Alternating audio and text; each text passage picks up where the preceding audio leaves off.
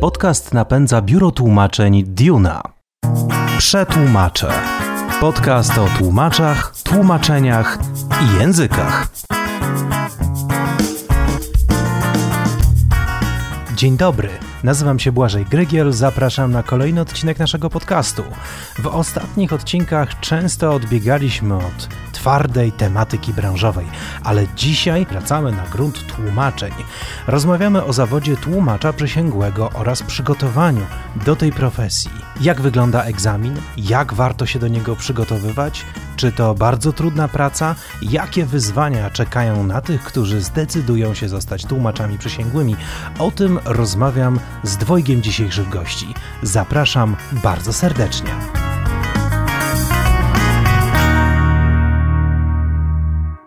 Dzień dobry, Magda Mózgowiec, jestem tłumaczem. Dzień dobry, z tej strony Karol Rosiński, tłumacz przysięgły języka włoskiego i angielskiego.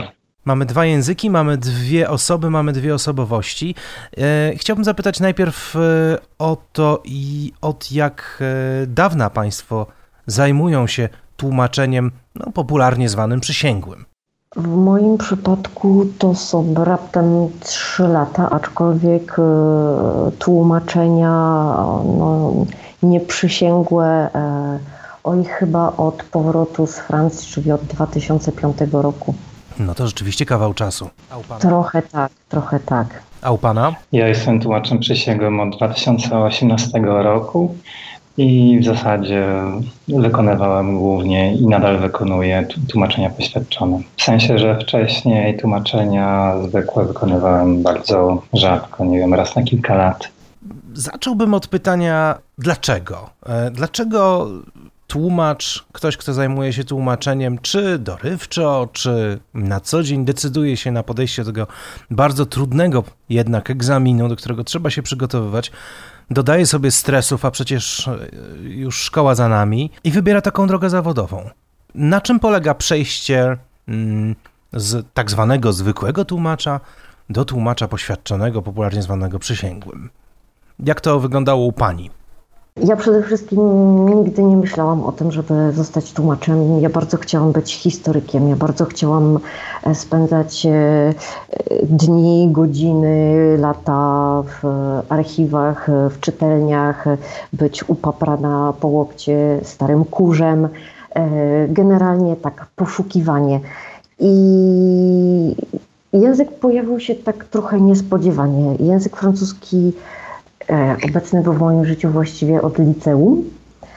A ta droga była taka dosyć e, e, miękka przejścia od jednego do drugiego, bo skończyłam studia we Francji, właśnie przygotowywałam pracę prawie doktorską, bo tam w tym czasie był zupełnie inny system nauczania, więc gdzieś połączyłam język i, i, i historię w jednym.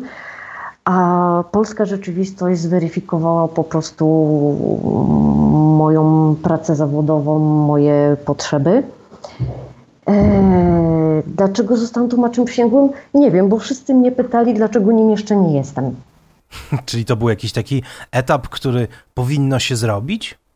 Generalnie chyba właśnie poszłam z prądem opinii znajomych, dlaczego jeszcze nie jestem tłumaczem przysięgłym. Przecież to mi bardzo pomoże. E, no i wyszłam z tego założenia, że no rzeczywiście może mają rację, może to tylko ja inaczej postrzegam moją pracę, że, że tłumacz zwykły na co dzień mi wystarcza. Więc chyba w moim przypadku to było pod wpływem otoczenia. O to, czy pomogło, zapytam za chwilę, ale jeszcze chciałbym zapytać pana Kamila, co panem kierowało, żeby, że tak powiem, przejść ten próg? A więc tak, w, w, moim przypadku to w zasadzie była taka fantazja już od czasów, nie wiem, klasy maturalnej, ponieważ sobie pomyślałem, że jak fajnie by było pracować jako tłumacz, no i faktycznie poszedłem na, na studia o specjalności tłumaczeniowe, jedne, drugie, trzecie, w międzyczasie e, wyjazd na stypendium do Hiszpanii roczny e, i potem faktycznie zacząłem pracę jako tłumacz. W tej pracy wytrzymałem, tak mogę powiedzieć, wytrzymałem 4 miesiące. E, no i w zasadzie to była najcięższa praca, jaką kiedykolwiek miałem i taka, no muszę powiedzieć, dość wymagająca i dość frustrująca dla mnie wówczas.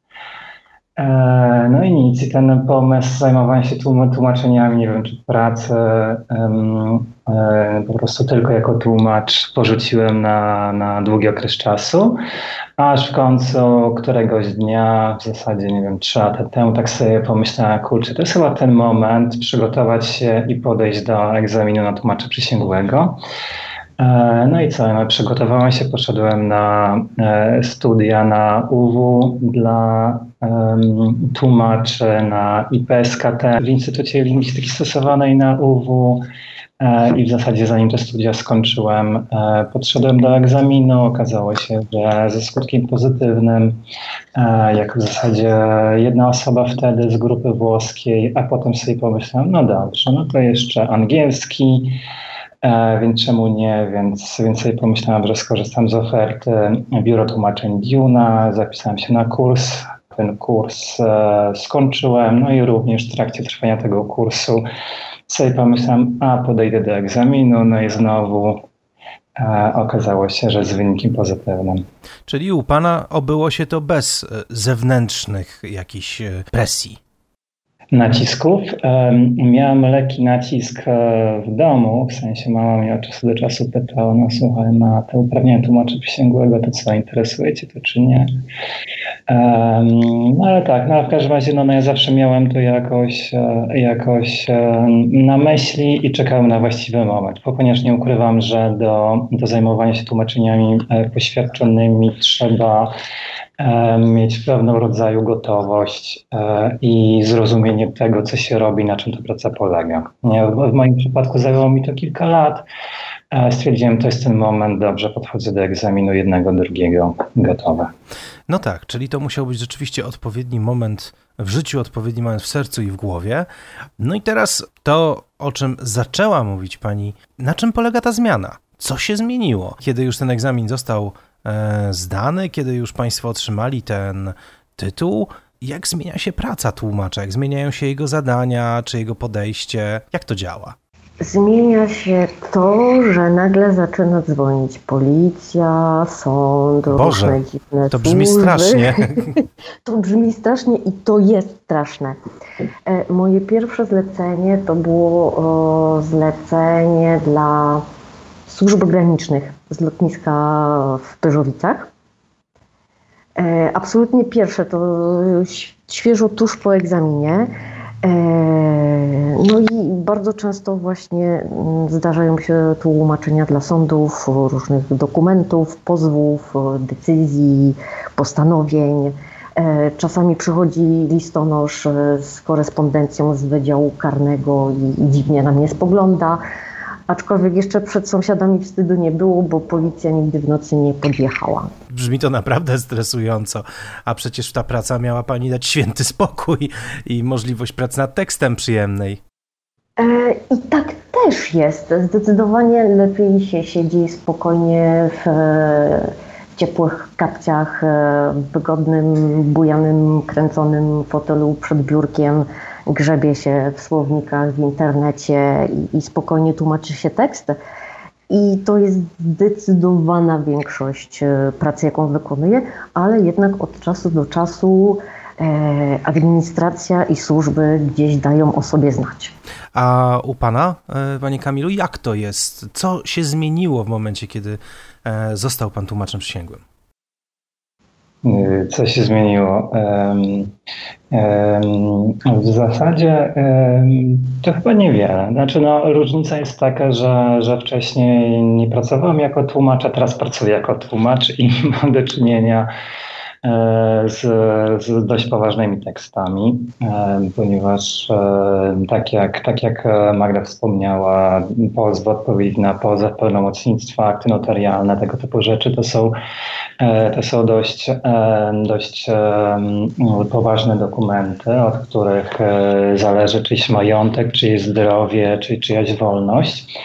Więc jest zupełnie inne podejście do, do takiego tekstu, do takiego dokumentu, do takiego zlecenia. Więc tak, więc, więc no, ja na pewno wykonuję e, tą pracę z, z, dużą powagą i e, z dużym zaangażowaniem, ponieważ no, podpisuję się własnym, własnymi imieniem i nazwiskiem, przedstawiam własną pieczęć. E, więc no, ze względu na odpowiedzialność zawodową, karną i, i cywilną, no niestety, znaczy niestety, no w zasadzie staram się tą, tą pracę wykonać tak jak, tak jak trzeba.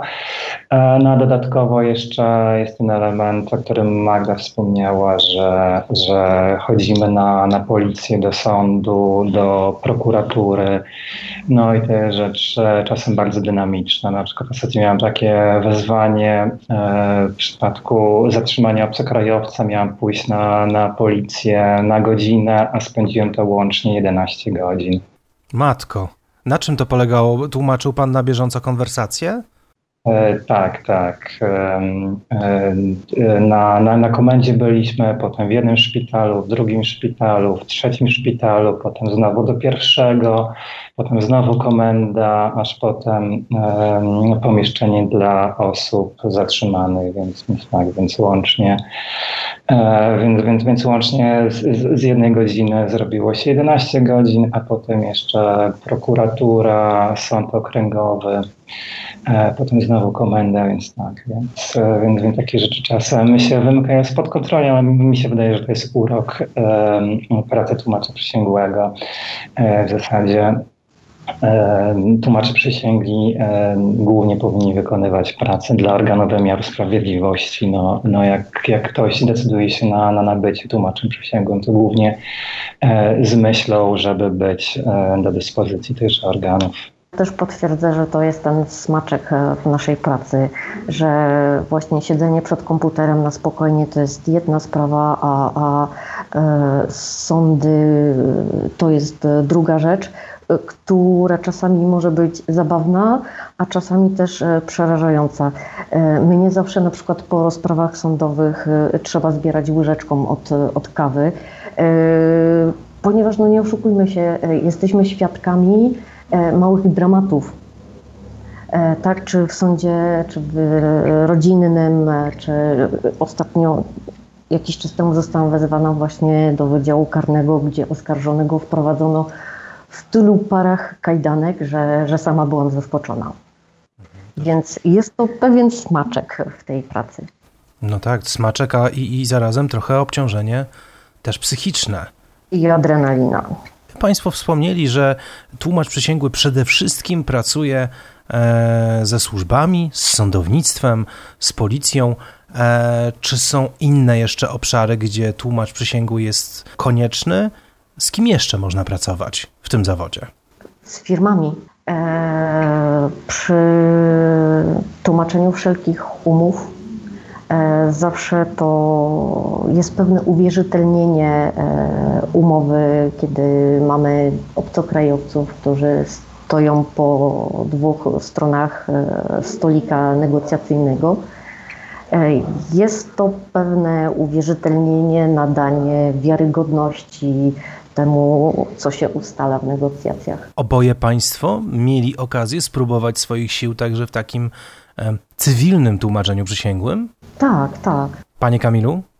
Ja osobiście negocjacji pomiędzy stronami nie lubię, ponieważ, ponieważ tam jest dużo, mm, dużo takich treści, które nie są dookreślone. Te, te strony, zanim się dotrą, zanim dotrą do, do, do konsensusu, e, trochę czasu minie. Ja osobiście e, uwielbiam chodzić do notariuszy, ponieważ tam przy akcie strony są dogadane, widziały projekt, uzgodniły, E, każdy punkt jest, e, jest przegadany kilkukrotnie, bardzo często jeszcze prawnicy w tym uczestniczą, więc, więc w zasadzie um, akt notarialny najczęściej to jest podsumowanie i zatwierdzenie tych ustaleń, które wcześniej zostały poczynione, więc, e, więc no, to jest komfort, że pracuje się na już wypracowane stanowiska, w sensie, że, że tłumacz tłumaczy już gotowe, wypracowane stanowiska. E, a dodatkowo jeszcze, e, ja zawsze proszę projekt aktu notarialnego, żeby się przygotować, więc to jest środowisko, nazwę to kontrolowane, w którym ja osobiście bardzo dobrze się czuję w odróżnieniu na przykład od sali sądowej, ponieważ no jak, jak, jak idę do sądu, no to najczęściej, no, no okej, okay, przez telefon czasem uda mi się dowiedzieć, jaka to jest sprawa, o co chodzi i tak dalej, kto jest oskarżonym, świadkiem, o co chodzi, jaka sprawa i w ogóle, więc, więc mam taki, taki zarys. Na przykład ostatnio byłem e, w sądzie na Czerniakowskiej, no i tam w zasadzie otrzymałem wezwanie pisemne i do końca nie wiedziałem o co chodzi. Dopiero na miejscu dowiedziałem się, że, że, że chodzi o płatność. W trakcie akurat miałem chwilę, żeby, żeby świadka zapytać, żeby świadek mi przedstawił sytuację, więc, więc jak przyszedłem na, na, na salę, to mniej więcej wiedziałem, o co tam chodzi. No, z, z, z, drugiej strony to też był taki, taki moment, że jest tam kilka osób, jest jedna strona, druga strona, jest sąd, um, e, rozprawa jest nagrywana. E, no i tak, no i to faktycznie to jest taka, taka sytuacja trudna, trudna do, przy, do, do przewidzenia, jakie pytanie padnie, jaka odpowiedź, czego będzie dotyczyć. Nie wiadomo do końca, co tam się wydarzy. No ale tak, no, ale u notariuszy, jeżeli chodzi o takie tłumaczenia poza organami wymiaru sprawiedliwości, to, e, to tak, to ja bardzo lubię notariuszy oprócz, e, oprócz właśnie takich tłumaczeń komercyjnych, tak to bym nazwał dla klientów indywidualnych, dla firm, dla kancelarii prawnych. Wspomnieliśmy już o tym, jak ta praca zmienia się merytorycznie, jak zmieniają się obszary państwa zainteresowania, miejsca, w których państwo muszą się pojawiać i ludzie, z którymi państwo muszą pracować. Ale trzeba zapytać także o taką twardą prozę życia, czy ukończenie, czy przejście przez egzamin tłumacza przysięgłego odbiło się na Państwa zarobkach pozytywnie. Długa cisza. Znamienna. Może od pani Magdy zaczniemy. Nie wiem, nie potrafię odpowiedzieć na to pytanie. Jeśli jest więcej tłumaczeń e, e, e, tak zwanych przysięgłych, to wpływa to na to, że zrobię mniej tłumaczeń nieprzysięgłych, więc. E, Wychodzi na jedno. Nie wiem, czy to ma jakieś realne przełożenie. Poza tym e, tutaj pewnie trzeba będzie poruszyć e, sprawę nieszczęsnych stawek ministerialnych dla służb zawsze się pracuje po innych stawkach niż dla klientów komercyjnych. I one niestety nie zawsze są zadowalające w takim stopniu. E, teraz jesteśmy dosyć świeżo po nowelizacji e, naszych, naszych zarobków, więc powiedzmy, że jest ciut bardziej optymistycznie. Mhm. A u pana, pani Kamilu, czy przejście na drugą stronę, że tak się wyrażę metaforycznie, pomogło, e, jeżeli chodzi o zarobki? E, czy zwiększyła się ilość zleceń? Czy e, jakoś wpłynęło to na Pana działalność? U mnie tak, ponieważ ja praktycznie wcześniej nie wykonywałam tłumaczeń. Tak gdybym miał podsumować swoje zarobki jako tłumacz nieprzysięgły, nie wiem, czy na przestrzeni 10 lat, nie wiem, może to byłoby 1000 zł, ponieważ tak jak mówię, że nigdy tym się specjalnie nie, nie, nie zajmowałem, to, to, to nie było jakoś atrakcyjne ani, ani, ani sexy dla mnie.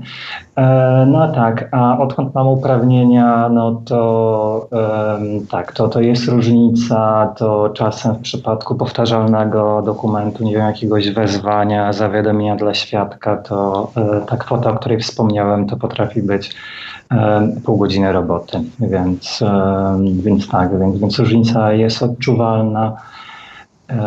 No ale mi się wydaje, że to jest urok, że to jest, że to jest e, urok pracy w zawodzie regulowanym. Nie każdy może mieć uprawnienia tłumacza przysięgłego. Egzamin jest e, dość ciężki.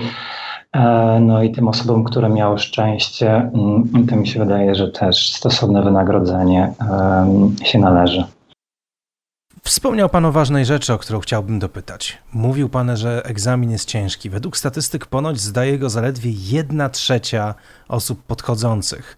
E, to pokazuje, że jest to rzeczywiście wymagające zadanie. Jak e, Pan ocenia ten egzamin? Naprawdę jest taki trudny? E, więc tak, do tego egzaminu trzeba mieć klucz, trzeba wiedzieć na czym on polega i trzeba wiedzieć, czego się spodziewać. Um, statystyki, tak jedna trzecia to mi się wydaje, że to zbiorczo dla wszystkich języków. Najlepsze statystyki są dla języka angielskiego. Um, tak mi się wydaje z tego, co kiedyś sprawdzałem. Dla włoskiego to jest czasem jedna osoba na, na egzamin, przynajmniej tak było w moim przypadku. Podchodziło nie jakieś 10 osób, a jedna osoba w zasadzie przeszła. E, z angielskiego to jest lepiej, faktycznie tak 25-30, może nawet 35% przy, e, przy dobrym egzaminie. E, no tak, no, no trzeba, trzeba wiedzieć, na czym ten egzamin polega i odpowiednio się przygotować. No, egzamin pisemny to są cztery teksty, dwa w tą stronę, dwa, dwa w drugą stronę, z języka obcego na polski, z polskiego na obcy.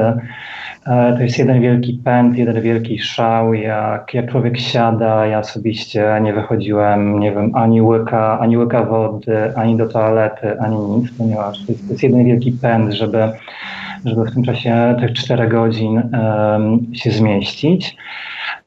No a z kolei egzamin ustny to też są cztery teksty, to są, dobrze mówię Magda? Zgadza się, zgadza się, potwierdzam. Tak, tak, to są, to są dwa wista z języka obcego na polski i konsekutywnie z języka polskiego na obcy.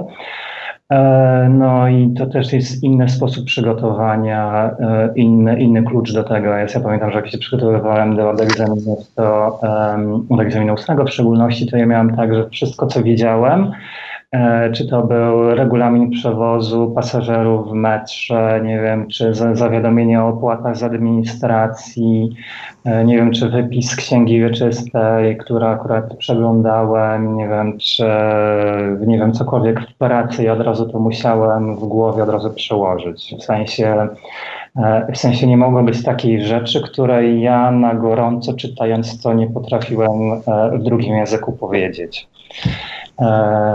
No, więc, więc, więc, więc myślę, że jak ktoś wie, na czym polega ten egzamin, odpowiednio się przygotuje i wbije się w ten klucz komisji, to, mi, to, to, myślę, że to jest egzamin do, do przejścia.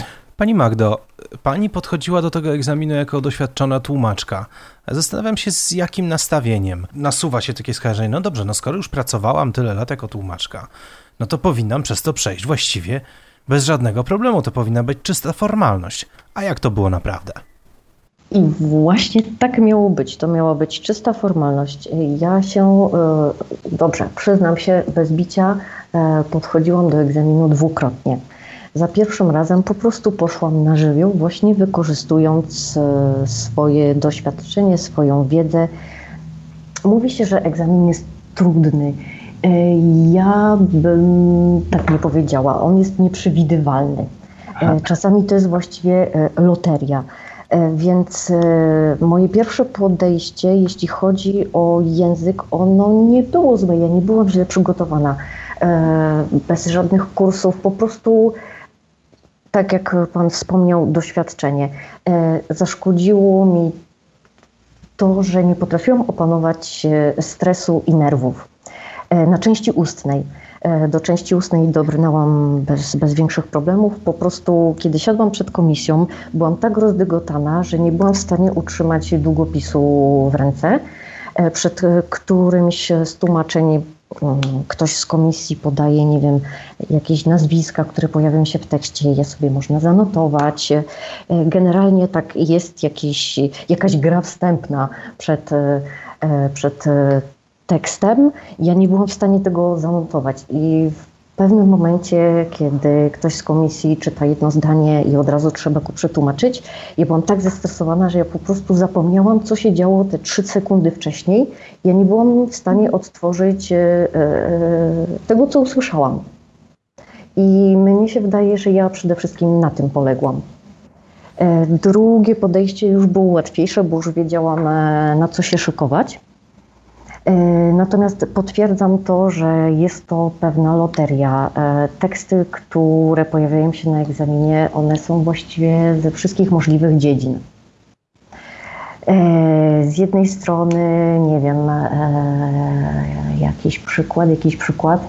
O, ciekawym przykładem jest to, że na, właśnie na części ustnej Miałam tekst o jakimś stoliku z XVIII wieku, który został sprzedany na aukcji, a na którym podpisano traktat kończący jakąś wojnę. I Będąc historykiem, na przykład słownictwo, które tam było wykorzystane, zawierające przeróżne kruszce, rodzaje kamieni, jakieś takie historyczne e, fakty, ja się czułam w tym jak ryba w wodzie. Ale rozumiem, że nie dla każdego taki tekst będzie e, łatwy i przyjemny i do przetłumaczenia od razu e, z marszu. Przede wszystkim wydaje mi się, że w egzaminie ustnym chodzi o to, żeby odnaleźć się w sytuacji, bo teksty może nie są trudne, ale zazwyczaj zawierają jakąś pułapkę. Chodzi po prostu o to, żeby wybrnąć, żeby nie przemilczeć tego i wyobrazić sobie, że jesteśmy właśnie w takiej sytuacji, że to nie jest egzamin, tylko nasz klient, ewentualnie jesteśmy w sądzie i po prostu trzeba sobie z tą sytuacją poradzić i z niej wybrnąć. Myślę, że ważnym, ważnym pytaniem teraz, kiedy powolutku zbliżamy się do końca naszej rozmowy, e, będzie to, jak Państwo oceniają e, swoją drogę jako tłumacza, tłumaczki przysięgłej. Czy są Państwo zadowoleni w ogóle z wyboru takiego, takiej, takiej drogi zawodowej? Czy warto było ten egzamin zdawać? Czy warto było się tak strasznie stresować i rzeczywiście no, przez te wszystkie pułapki przechodzić? Zdecydowanie tak. Trochę biorąc pod uwagę mój wiek, jest za, za wcześnie jakieś podsumowanie, ale ja nie żałuję.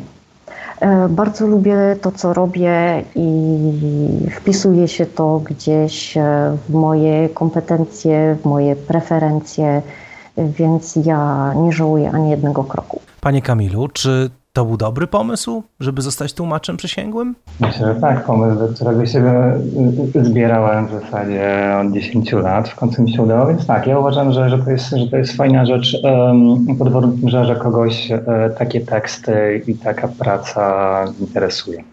Momentami bardzo nudna, a momentami aż za ciekawa i, e, i za bardzo ekscytująca. No to na sam koniec, e, tym razem zacznę od pana Kamila, a chciałem zapytać, a właściwie poprosić o parę rad. Słuchają nas przede wszystkim osoby, które rozważają podejście do takiego egzaminu, rozważają podejście do całego procesu przygotowywania się do niego. Co moglibyśmy wszystkim, którzy myślą o karierze tłumacza przysięgłego, poradzić? E, więc tak, e, więc ja mogę mówić o swoich e, osobistych, nie wiem, o swojej osobistej ścieżce, nie wiem, czy, czy o, o moim osobistym przygotowaniu, które, które do tej pory było udane dwukrotnie. Więc tak, więc ja jak się przygotowywałem, to ja przechodziłem przez każdy rodzaj prawa w języku polskim i w języku obcym. W sensie to jest bardzo takie ułożone i usystematyzowane podejście, wyjść, nie wiem, od prawa unijnego, instytucjonalnego, cywilnego, karnego, skarbowego i tak dalej. E, nadać się przygotowanie jakąś, jakąś strukturę i e, dowiedzieć się, o co chodzi w każdym obszarze.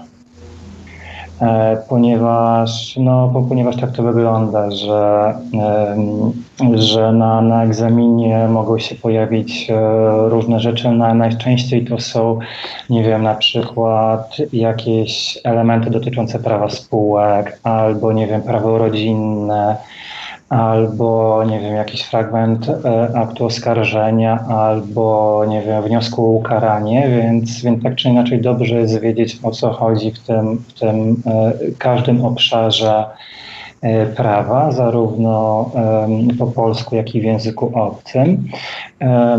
Przy tym trzeba również wiedzieć, znaczy dobrze jest wiedzieć takie smaczki prawa, nie wiem, no na przykład nie wiem, takie instytucje prawa polskiego, które, które występują tylko w prawie polskim i, i, i na odwrót.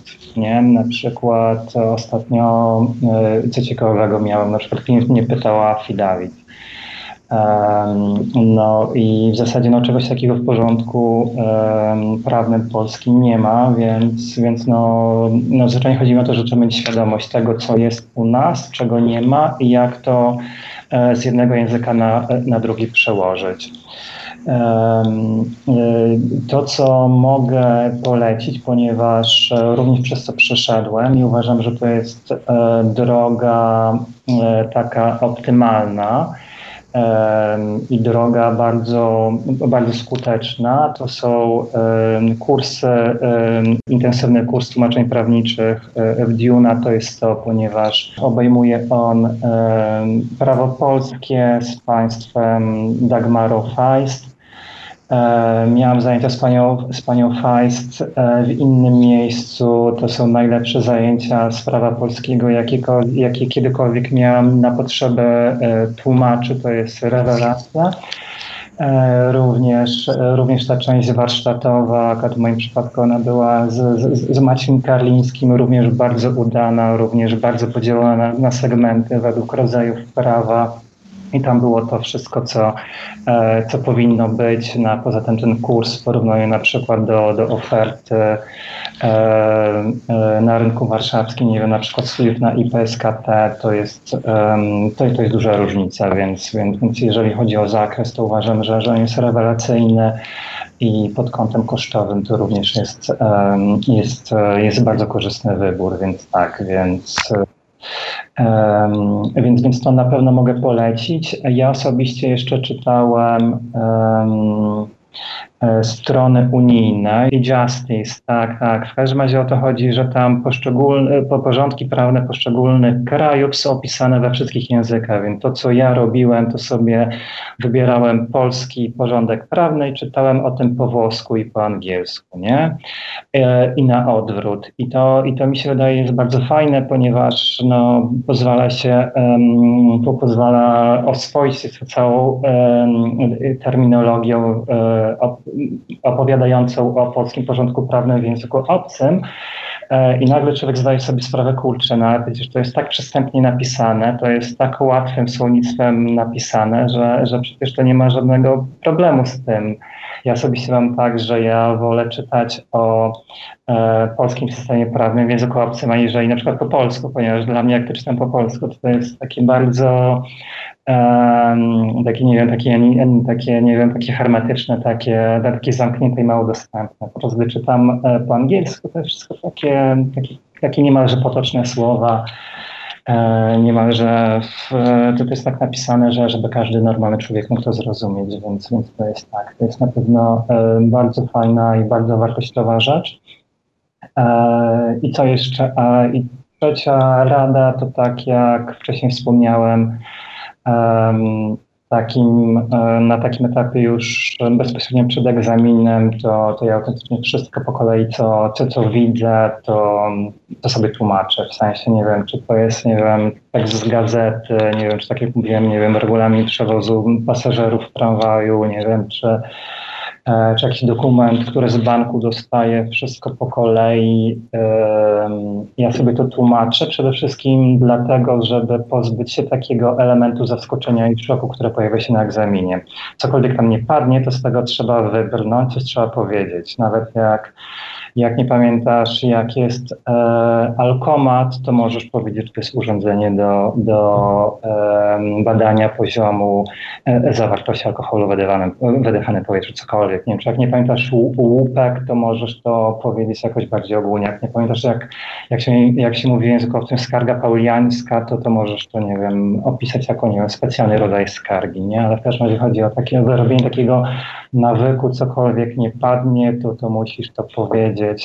E, nie wiem, czasem upraszczają, czasem mówiąc mniej e, specjalistycznie, e, no ale musisz to powiedzieć. Na przykład ostatnio miałem właśnie w szpitalu, tam padła, tam padła medyczna nazwa jakiegoś tam leku, to było to w każdym razie leki, leki przeciwbólowe były. To była jakaś nazwa, nazwa na, na bazie łaciny, już, już teraz nie, nie pamiętam, coś angio, i tak dalej. E, no i ten, sobie myślę, no, no, no, kogo tak naprawdę interesuje to w sensie ta nazwa taka specjalistyczna, medyczna, więc, więc powiedziałem to tak ogólnie, nie wiem, tabletki, nie wiem, które po, po pozwalają się bólu. Um, no i mi się wydaje, że, że, że tak, że rzeczy, um, przygotowanie według rodzajów prawa, um, plus tłumaczenie na, na bieżąco wszystkiego, co się widzi, E, I jeszcze te, te, te, te strony e-justice to jest, to jest jak gdyby taki, um, taki powiedzmy minimum, z którym można pójść na egzamin, licząc, że te 800 zł opłaty egzaminacyjne nie pójdzie na darmo. To jest bardzo, bardzo wyczerpujący system ale jestem przekonany, że jeszcze od pani Magdy mogę coś wyciągnąć. Co pani doradziłaby osobom, które chcą zostać tłumaczami przysięgłymi? Spokój, spokój, jeszcze raz spokój. E, przynajmniej z, z mojego doświadczenia, bo rzeczywiście jesteśmy postawieni przede wszystkim w dość sztucznej e, sytuacji. Nie, nie spotkamy się drugi raz już e, z taką sytuacją. Teksty czasami też są sztuczne. Proszę pamiętać, że w przypadku egzaminu pisemnego to są raptem 4 godziny i 4 teksty więc e, e, trzeba być przyzwyczajonym do pracy z tekstem. Trzeba go przeczytać, przeanalizować, przetłumaczyć i mieć jeszcze czas na to, żeby go przeczytać i ewentualnie skorygować. E, jednym z wymogów na egzaminie pisemnym jest stopka i nagłówek czyli coś, co później tłumacz przysięgły praktykuje na co dzień. U góry są pewne, nie wiem, nad tekstem E, trzeba wpisać, że jest to tłumaczenie e, poświadczone, tak, to jest tłumaczenie poświadczone i na dole też jest stopka ja tłumaczę swojego imienia, nazwiska oczywiście się nie podaje, zaświadczam, że jest to tłumaczenie wierne z oryginałem. E, na to też trzeba mieć czas, więc spokój, opanowanie, rozsądek. E, na pewno e, potwierdzę fakt, że Państwa szkolenia są mega przydatne. E, fakt, że ja przeszłam przez Państwa szkolenia już po egzaminie na tłumacza przysięgłego, ale jak najbardziej zajęcia z Panią Dagmarą to jest nieoceniony wkład do przygotowań do, do, do egzaminu, albo nawet może rozróżnimy fakt zdawania egzaminu, a późniejszej pracy tak jak mówię, egzamin jest sztuczny. E, ważniejsze jest to, co później damy z siebie już pracując na co dzień. Więc e, szkolenie jak najbardziej e, przydatne. I generalnie to, co bym zalecała, czy przed egzaminem, czy po egzaminie, to, to cały czas uczyć się, pozostawiać w kontakcie z językiem, ze specjalistycznym słownictwem. Tak, oprócz Państwa kursów, e, e, myślę, że oferta dla tłumaczy e, jest dosyć bogata i czasami dziwię się, że, że tłumacze tak mało z niej korzystają, bo, bo dzisiejsza rzeczywistość bardzo szybko się zmienia, po prostu trzeba się do niej dostosowywać i, i, i stale, stale się uczyć. No, no, no jesteśmy wyspecjalizowani, więc e, szkolenia, szkolenia, pozostawanie w kontakcie z językiem. Voila.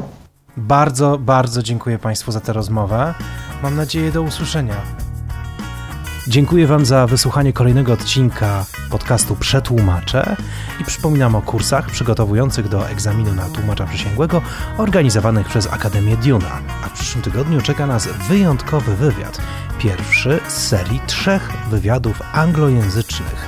Każdego miesiąca emitować będziemy jeden z nich. Wywiady przeprowadziliśmy z ekspertami akademickimi, którzy poza lingwistyką zajmują się zawodowo tworzeniem nowych języków. Do usłyszenia za tydzień.